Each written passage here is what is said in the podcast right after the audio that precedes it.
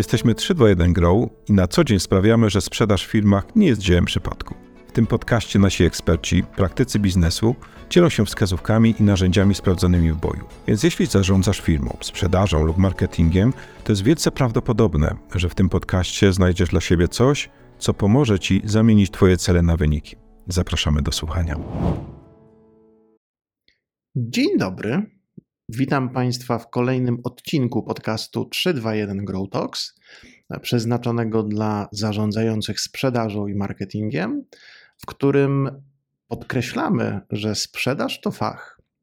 A dzisiaj nieco więcej, może nie stricte o sprzedaży, ale o budowaniu teamów sprzedażowych. Bo dzisiaj na tapet weźmiemy, czy bardziej wezmę, e, następujący temat, a mianowicie rolę zarządzających w rekrutacji najlepszych handlowców. Temat, można powiedzieć, rozległy, niczym temat rzeka. No bo to jest trochę tak, że o tej rekrutacji najlepszych bardzo dużo się mówi. Wiele firm, wielu szefów sprzedaży, wielu właścicieli ma to hasło na swoich przysłowiowych sztandarach. Natomiast kiedy tak dokładnie prześledzi się, co właściwie w tym temacie w danych organizacjach realnie się robi, no to ten obraz już często jest nieco inny niż, na, tychże, niż na tychże sztandarach. E, no przyznam szczerze, nie wiem, czy kiedykolwiek podcastowo wymyśliłem sobie trudniejsze zdanie do powiedzenia niż na tychże sztandarach. Genialne. To chyba jest nowe ćwiczenie do rozgrzewania głosu. Ale do rzeczy. No bo to jest trochę tak, że podczas tego odcinka postanowiłem, że zbiorę kilka takich praktycznych porad, właściwie czy porada, czy to jest dobre słowo, e, takich rzeczy, które wynikają bardzo mocno z praktyki. To znaczy takich rzeczy, które mówią o tym, że żeby faktycznie rekrutować najlepszych i przyciągać do swoich teamów najlepszych, to warto wykonywać pewne czynności. Warto wykonywać pewne, pewne aktywności, pewien zestaw tych aktywności, żeby właśnie na koniec dnia mieć w zespole tychże najlepszych handlowców. I znowu tak bardzo mocno powiedziałbym okiem praktyka, a nie teoretyka. Postanowiłem w tym odcinku zebrać takich, no pewnie plus minus 10 rzeczy, o których warto pamiętać, jeżeli do swoich zespołów handlowych chcecie przyciągać najlepszych handlowców. Taki pierwszy punkt, od którego pewnie bym chciał zacząć, to to, żeby rekrutować najlepszych, to warto, i tutaj taki duży cudzysłów, produkować najlepszych. Co to znaczy? To znaczy, jeżeli wasz dział sprzedaży, jeżeli wasza firma jest postrzegana na rynku jako właśnie taka kuźnia talentów, e, jako taki dział, w którym pracują ludzie, którzy na rynku czymś się wyróżniają. E, wyróżniają się jakością pracy, wyróżniają się responsywnością, e, wyróżniają się generalnie takim, powiedziałbym, brandem rynkowym, że ten zespół jest na tyle silny, że wiele osób, czy, czy, wielu handlowców, na przykład z konkurencji, e, chciałoby do niego dołączyć. No tutaj pewnie zapytacie o jakiś przykład. No jeżeli jesteście dużą organizacją, no to pewnie do zastanowienia czy, czy, czy, w ramach takiego poddania pod rozwagę, e, może być chociażby program rozwoju talentów, czyli na ile handlowcy w takim dziale sprzedaży mogą się faktycznie rozwijać, mogą budować jakkolwiek swoją karierę, na, na ile właśnie mają takie swoje indywidualne programy rozwoju i też na ile rynek o tym wie. No bo teraz, jeżeli przy okazji targów, przy różnych interakcji branżowych, e, twoi ludzie, twoi handlowcy będą opowiadać o tym, jak w twojej organizacji jest dobrze, a może nawet wprost, jak im w tej organizacji jest dobrze, to też w sposób naturalny będziesz przyciągać innych, um, którzy będą chcieli odczuwać dokładnie to samo. No i można powiedzieć, że to właściwie taki banał i, i właściwie każdy to wie. No tylko tutaj pojawia się ta różnica pomiędzy wiedzą a robieniem. To znaczy, to pewnie jest takie dobre ćwiczenie, a kiedy ostatnio wykonywałaś czy wykonywałeś jakiekolwiek badanie satysfakcji Twoich handlowców?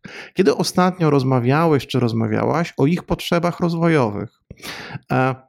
Kiedy ostatnio zadałaś czy zadałeś takie pytanie, e, gdyby ktoś zapytał Ciebie teraz o to, jak, jak się pracuje e, w naszym dziale salesowym, w naszym dziale handlowym, to co byś powiedział, co byś powiedziała?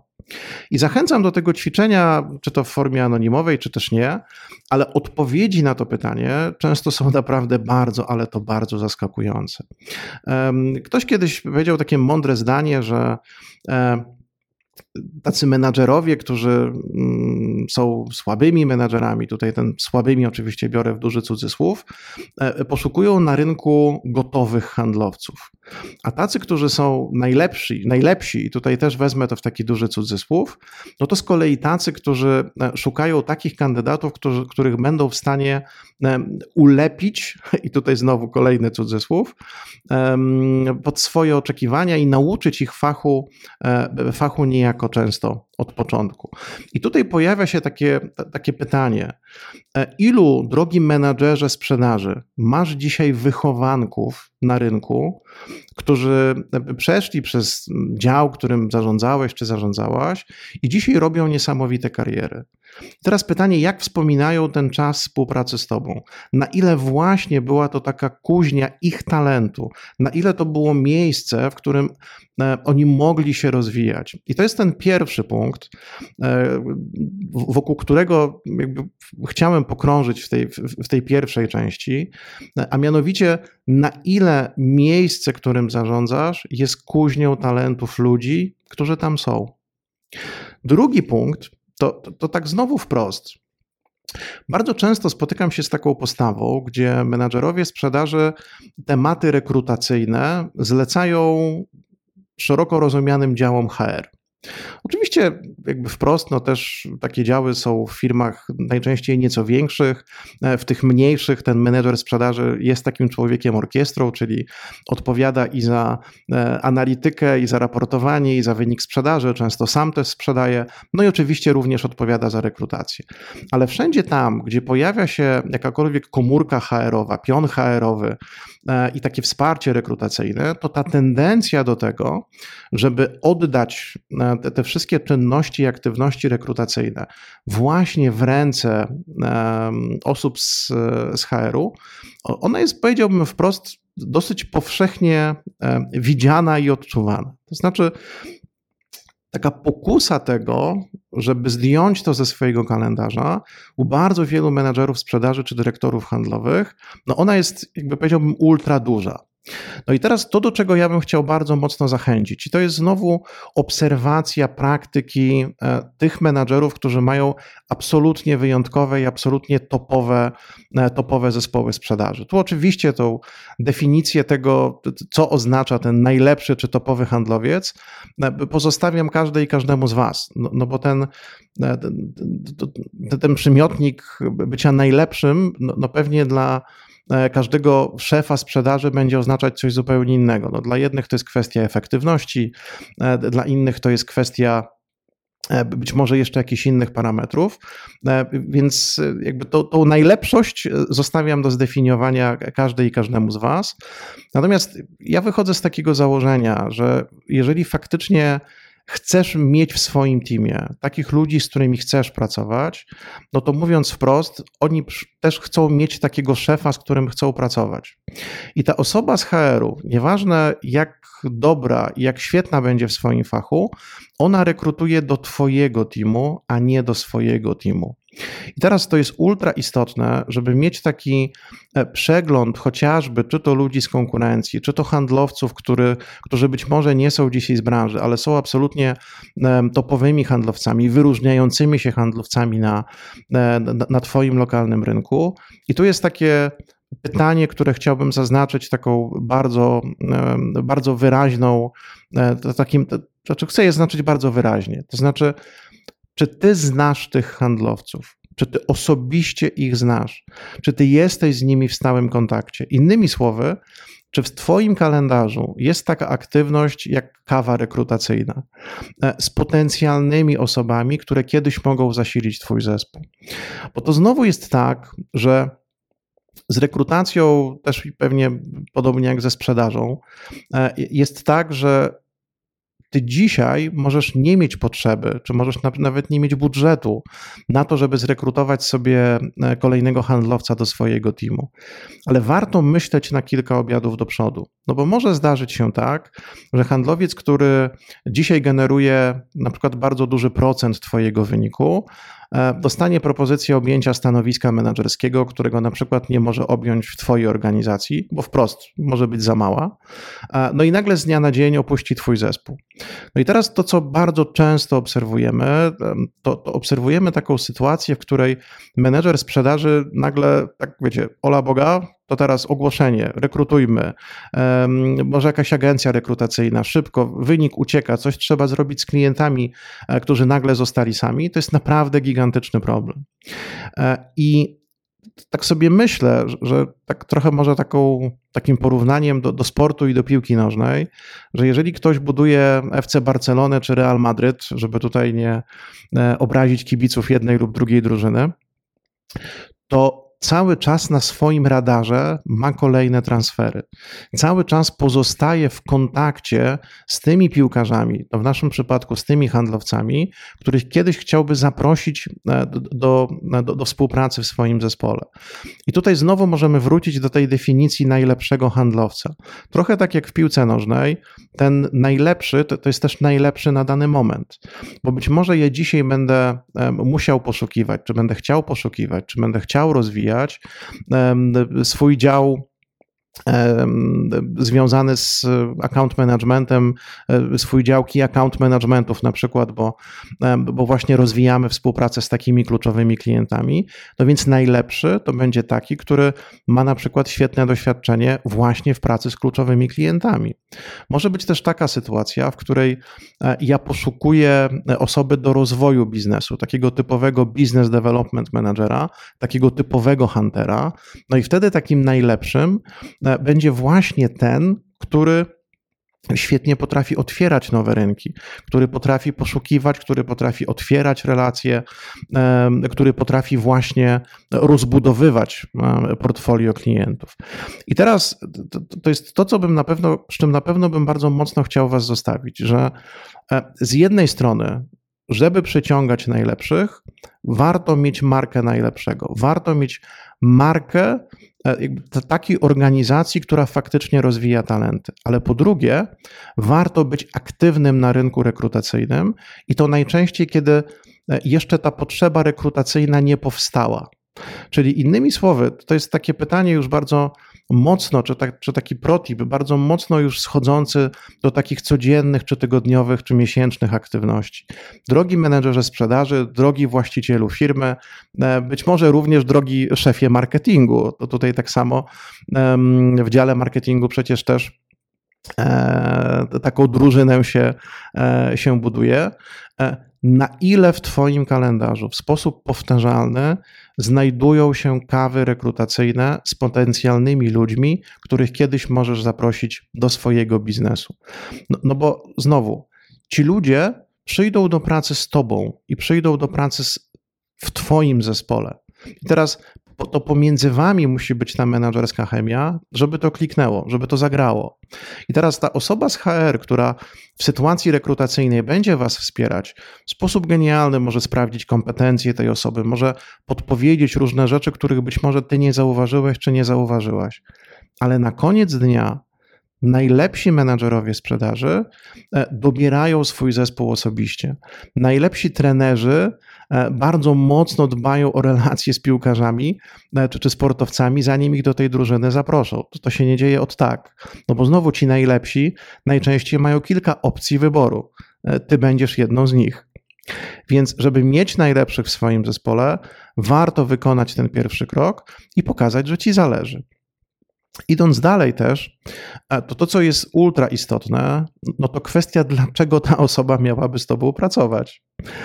No bo jeżeli ktoś umawia się z tobą na taką rekrutacyjną kawę, czy na taki rekrutacyjny lunch, to znowu jakby moje doświadczenie podpowiada, że ludzie bardzo, ale to bardzo rzadko chodzą na tego typu spotkania e, dla takiego, powiedziałbym, przysłowiowego sportu. Oni przychodzą na te spotkania wtedy, kiedy coś jest na rzeczy, czyli kiedy jest gdzieś tam z tyłu głowy jakaś motywacja dlaczego do tego, żeby wykonać zmianę. Tutaj w ramach takiego ustrukturyzowania, czy być może przypomnienia, motywacja dlaczego, czyli motywacja od czegoś. E, ta motywacja bardzo mocno powiedziałbym, skupiona na tym, czego nie chcemy. E, tutaj, jeżeli mielibyśmy ją definiować, no to tutaj zdanie zaczynałoby się od tego, że e, przyszedłem na spotkanie z tobą, bo bo mam czegoś dosyć, bo coś mnie mierzi, bo mi czegoś brakuje. I teraz to, co jest ultra istotne, to właśnie odkrywanie tej motywacji dlaczego podczas naszych interakcji rekrutacyjnych z potencjalnymi kandydatami. Czyli innymi słowy, jeżeli ja wiem dlaczego, to jestem w stanie to wzmocnić. To jest trochę jak taki klawisz fortepianu, na którym ja mogę grać. Jeżeli tych klawiszy odkryję kilka, no to mogę wtedy zagrać całą melodię zmiany takiej propozycji wartości, takiej propozycji zmiany idealnie dopasowanej, dopasowanej do tego kandydata. I teraz, jeżeli już faktycznie jakby mam takie poczucie, że miejsce, którym, którym zarządzam, to nie jest tylko i wyłącznie pogoń za wynikiem, tylko to jest faktycznie kuźnia talentów, e, gdzie ludzie mogą się rozwijać, gdzie ja też aktywnie dobieram kolejnych zawodników do tego zespołu, podkreślam aktywnie, ogłoszenie na jakimkolwiek jobboardzie to nie jest aktywnie. Aktywnie, czyli osobiście wyszukuję te osoby. Być może tutaj właśnie korzystam ze wsparcia e, osób z działu HR, żeby mi podpowiadały do, do, kogo warto by się było odezwać. To taki bardzo dobry przykład z jednej firmy, z którą miałem okazję pracować. E, wszystkie oferty konkurencyjne szef sprzedaży zawsze lubił oglądać, żeby zobaczyć z imienia i z nazwiska, jaki handlowiec jest pod tymi ofertami podpisany. Jeżeli w jego makroregionie miał gdzieś jakiś problem, gdzie konkurencja była nader aktywna i na przykład zabierała jemu biznes, e, to on jeszcze bardziej pochylał się nad tym, żeby zobaczyć, kto jest podpisany pod ofertami. E, zapraszał tą osobę na taki biznesowy lunch czy kawę. E, no i jeżeli była pomiędzy nimi chemia i jeżeli ta druga osoba spełniała tą definicję najlepszości, no to zaczyny, zaczynał odkrywać tą motywację dlaczego i zaczynał pracować nad pozyskaniem e, takiego kandydata. I teraz ta praca i ten stały kontakt to jest kolejny taki punkt, chyba już czwarty, nad którym chciałbym się chwilkę zatrzymać. To znaczy, punkt, który mówi wyraźnie, jedna kawa najczęściej nie wystarczy. No bo poza tym, że ja odkryję motywację takiego kandydata, no, no to ja też jeszcze e, powinienem najczęściej wyczekiwać odpowiedniego momentu. To znaczy takiego momentu, w którym ta osoba będzie miała na tyle silną motywację, dlaczego, żeby podjąć decyzję. E, czyli na przykład w jej firmie zadzieją się, nie wiem, niekorzystne zmiany systemu prowizyjnego, e, zmieni się szef, z którym do tej pory tej osobie się świetnie pracowało. I tutaj jest bardzo ważne to, żeby być pierwszym. I to jest chyba taki e, piąty punkt, z którym chciałbym Was zostawić, że ten stały kontakt, ale taki kontakt, którym naprawdę będziecie zarządzać systemowo, nawet prostym Excelem, taką listą monitoringową. Jeden z menadżerów, z którym pracowałem, nazywał to kiedyś swoim czarnym zeszytem. E, I zawsze powtarzał mi, Paweł, ten mój czarny notes to jest moja największa wartość na rynku, bo to są moje relacje, z potencjalnymi, absolutnie topowymi handlowcami, e, których jak zaproszę do biznesu, to najprawdopodobniej, e, jeżeli tylko będę mieć dla nich ofertę, oni ją przyjmą. I teraz ten notes, Excel, baza danych, jakkolwiek zapisana, ale cały czas monitorowana i cały czas rozwijana o to, e, czemu, na czym temu, temu handlowcowi może zależeć, właśnie po to. I tutaj jakby bardzo szybko przeskoczę do, do takiego szóstego punktu, a mianowicie do tego, żebyście nie składali ofert zatrudnienia, tylko żebyście prezentowali karierę. Bo to jest trochę tak, że od tej pierwszej interakcji, kiedy odkrywam motywację dlaczego, kiedy weryfikuję kompetencje, kiedy poznajemy się, rozmawiamy o tym, czy biznesowo może być nam jakkolwiek po drodze, i kiedy finalnie podejmujemy na jakimś etapie decyzję, tak, zróbmy to, to to tu jest ten moment, kiedy powinna się pojawić ta wisienka na torcie. I wielu menadżerów w tym momencie uściskuje dłoń tego handlowca, przekazuje umowę do podpisu, kluczyki od samochodu, plan do wykonania, No i tak jak kiedyś w tym kawale, kończą się dni otwarte i, i, i, zaczyna się różnica pomiędzy turystyką a emigracją. No, czyli zaczyna być dokładnie tak samo, albo, jak, albo i gorzej niż u poprzedniego pracodawcy. I teraz to, to, co jest bardzo istotne, to żeby właśnie na etapie pozyskiwania, e, pozyskiwania handlowca do swojego zespołu wykonać dwie rzeczy. Po pierwsze, zaadresować to wszystko, czego dowiedziałem się e, podczas tych naszych wszystkich interakcji rekrutacyjnych. Czyli, żeby spowodować, że jeżeli ja znam ten punkt A, czyli motywację dlaczego, do tego jeszcze znam punkt B, czyli motywację po co, czyli tą pozytywną motywację opartą o cel, e, w, którym, w realizacji którego ja mogę pomóc takiemu handlowcowi, to moja oferta współpracy ma być takim, powiedziałbym kolokwialnie, pojazdem, który zabierze tego handlowca z punktu A do punktu B. I teraz w ramach prezentacji kariery ja muszę tą ofertę złożyć w taki sposób, żeby ona właśnie idealnie wpasowywała się w tą drogę. A potem, i to jest kolejna ultra istotna rzecz, i to już chyba punkt siódmy, zakontraktować warunki współpracy tak, żeby potem nie zarządzać wzajemnym rozczarowaniem, tylko żeby od samego początku tych naszych interakcji dotrzymywać wzajemnie słowa. Znaczy, nie wiem jak u Was, ale dla mnie zawsze największą porażką było usłyszeć od kogoś, kogo zapraszałem do biznesu, takie zdanie, ale nie na to się umawialiśmy. Na szczęście słyszałem je bardzo, ale to bardzo rzadko, ale no, to jest takie zdanie, które nawet po bardzo wielu latach gdzieś z tyłu głowy mi dźwięczy. I teraz to jest bardzo, ale to bardzo istotne, żeby też móc zweryfikować, czy to, co wy macie na stole, e, faktycznie będzie odpowiadać temu handlowcowi, którego najczęściej zabierzecie, czy wyjmiecie, mówiąc kolokwialnie, z bardzo dobrej pracy.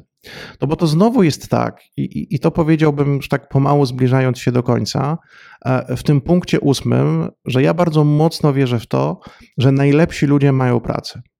A skoro najlepsi ludzie mają pracę, to znaczy, że raczej nie czytają jakoś bardzo często ogłoszeń. Czy ja wiem, że wielu handlowców ma e, różne alerty na, na różnych jobboardach, gdzie te oferty pracy spływają.